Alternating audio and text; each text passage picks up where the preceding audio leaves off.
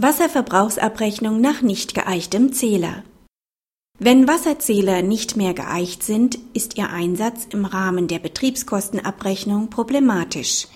Kann der Vermieter aber beweisen, dass gleichwohl ein zutreffendes Messergebnis erzielt worden ist, sind die Werte verwendbar. Die im BGH-Fall streitige Betriebskostenabrechnung basiert auf von nicht mehr geeichten Wasserzählern abgelesenen Verbrauchswerten. Durch eine staatlich anerkannte Prüfstelle weist der Vermieter die Richtigkeit der gemessenen Werte nach. Dennoch macht der Mieter unter anderem ein sich aus der um die Wasserkosten minimierten Betriebskostenabrechnung ergebendes Guthaben geltend. Der BGH weist seine Klage ab. Bei einer Verwendung eines geeichten Messgeräts spricht eine Vermutung dafür, dass die Werte auch zutreffend ermittelt werden. Ungeeichte Geräte freilich können dies nicht für sich in Anspruch nehmen.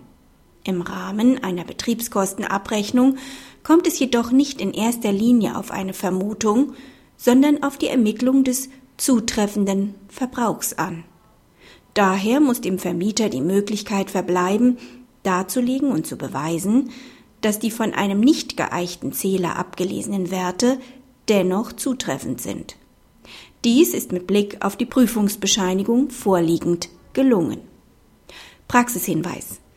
Die Entscheidung ermöglicht dem Vermieter, eine verbrauchsbezogene Abrechnung auch dann vorzunehmen, wenn er die Werte von nicht geeichten Geräten abliest.